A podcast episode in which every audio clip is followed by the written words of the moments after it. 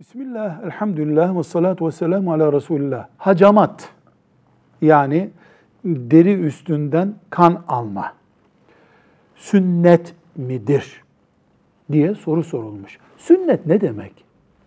Peygamber sallallahu aleyhi ve sellem Efendimiz bunu yapın, sevap kazanın, cennete girin diye tavsiye buyurduğu, emretmediği şey demektir. Hacamat, kan aldırmak sünnet midir sorulduğunda cevap olarak diyoruz ki hayır. Hacamat mubah bir iştir.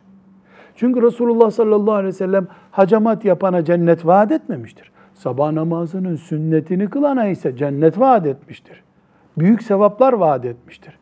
Bir de Resulullah sallallahu aleyhi ve sellem kendisi hacamat yaptırmıştır. Ama ne zaman? Mesela her ayın üçünde hacamat yaptırmamış. Ağrısı olduğu zaman tedavi maksatlı olarak ihtiyaç hissedince yapmıştır. Bu da gösteriyor ki dini bir emir olarak değil, bir tavsiye yöntemi olarak, tıbbi bir yöntem olarak bize bunu tavsiye etmiştir. Binaenaleyh gidip umre yapıp sevap kazandığımız gibi gidip hacamat yaptırıp sevap kazanma düşüncesinde olmayız. Ama hacamat yaptırınca sıhhaten faydalı oluyorsa aynı zamanda Peygamber sallallahu aleyhi ve sellemin de yapmış olduğu bir işi yaparız.